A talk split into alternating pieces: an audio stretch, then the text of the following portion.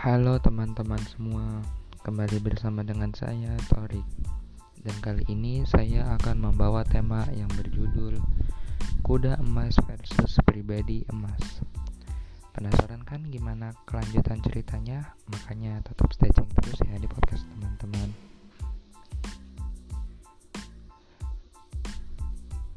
Jadi saya punya pengalaman lucu dari kecil kalau bicara tentang emas Dulu ada seorang ibu tetangga lama.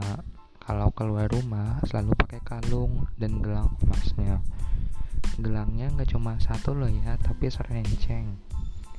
Setelah dilihat dari dekat, bahkan ada beberapa giginya juga emas. Ternyata suaminya bekerja sebagai pelayaran. Waktu kecil saya mana tahu betapa harganya emas Waktu berjalan dunia berubah, saya tidak lagi melihat emas sebagai sesuatu yang bernilai. Pendapat pribadi lo ya, nggak perlu ngegas kalau nggak cocok. Liquid memang bernilai tinggi, pasti, tapi nggak mudah bergerak. Makanya saya klik di blockchain dan kripto.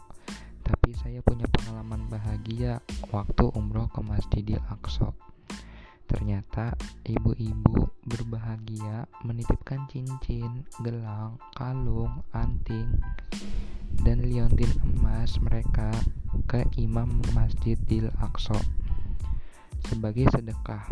Ternyata mereka sudah meniatkan sejak dari lama sebelum berangkat umroh tiga masjid suci. Emas memang selalu punya tempat khusus ya BTW, apa yang berharga di dunia ini? Waktu, keluarga, emas, kripto. Saya pilih saudara yang mendoakan saya dari jauh dan sembunyi-sembunyi. Oke teman-teman, sekian dulu dari saya. Jangan lupa untuk terus mendengarkan episodeku selanjutnya. Mohon maaf ya apabila ada salah kata dari saya. Sekian dan saya ucapkan terima kasih.